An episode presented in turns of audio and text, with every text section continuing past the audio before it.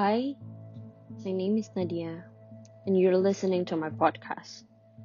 I know I'm nobody, but instead of use my platform for a useless and pointless thing, I want to use this for some good cause.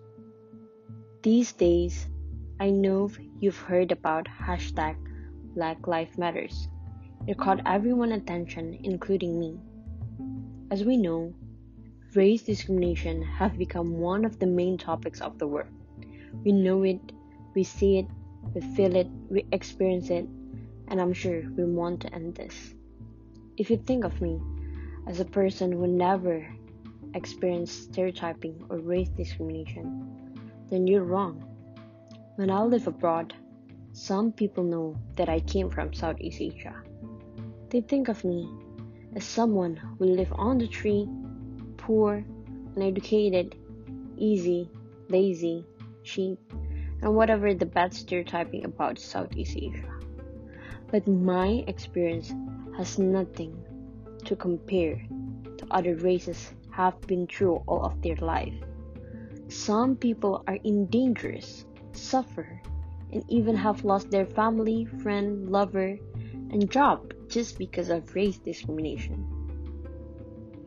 If you're nobody like me and you think you cannot do anything about it, I will give you three simplest ways to end this.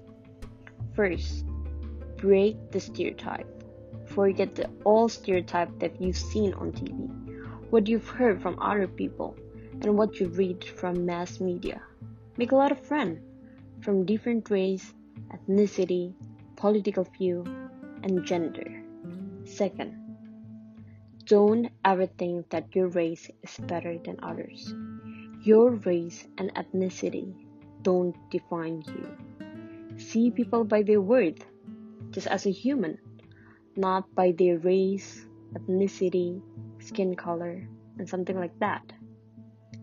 Last but not least, remember, we are all members of just one race, the human race, and we share one home, the planet Earth.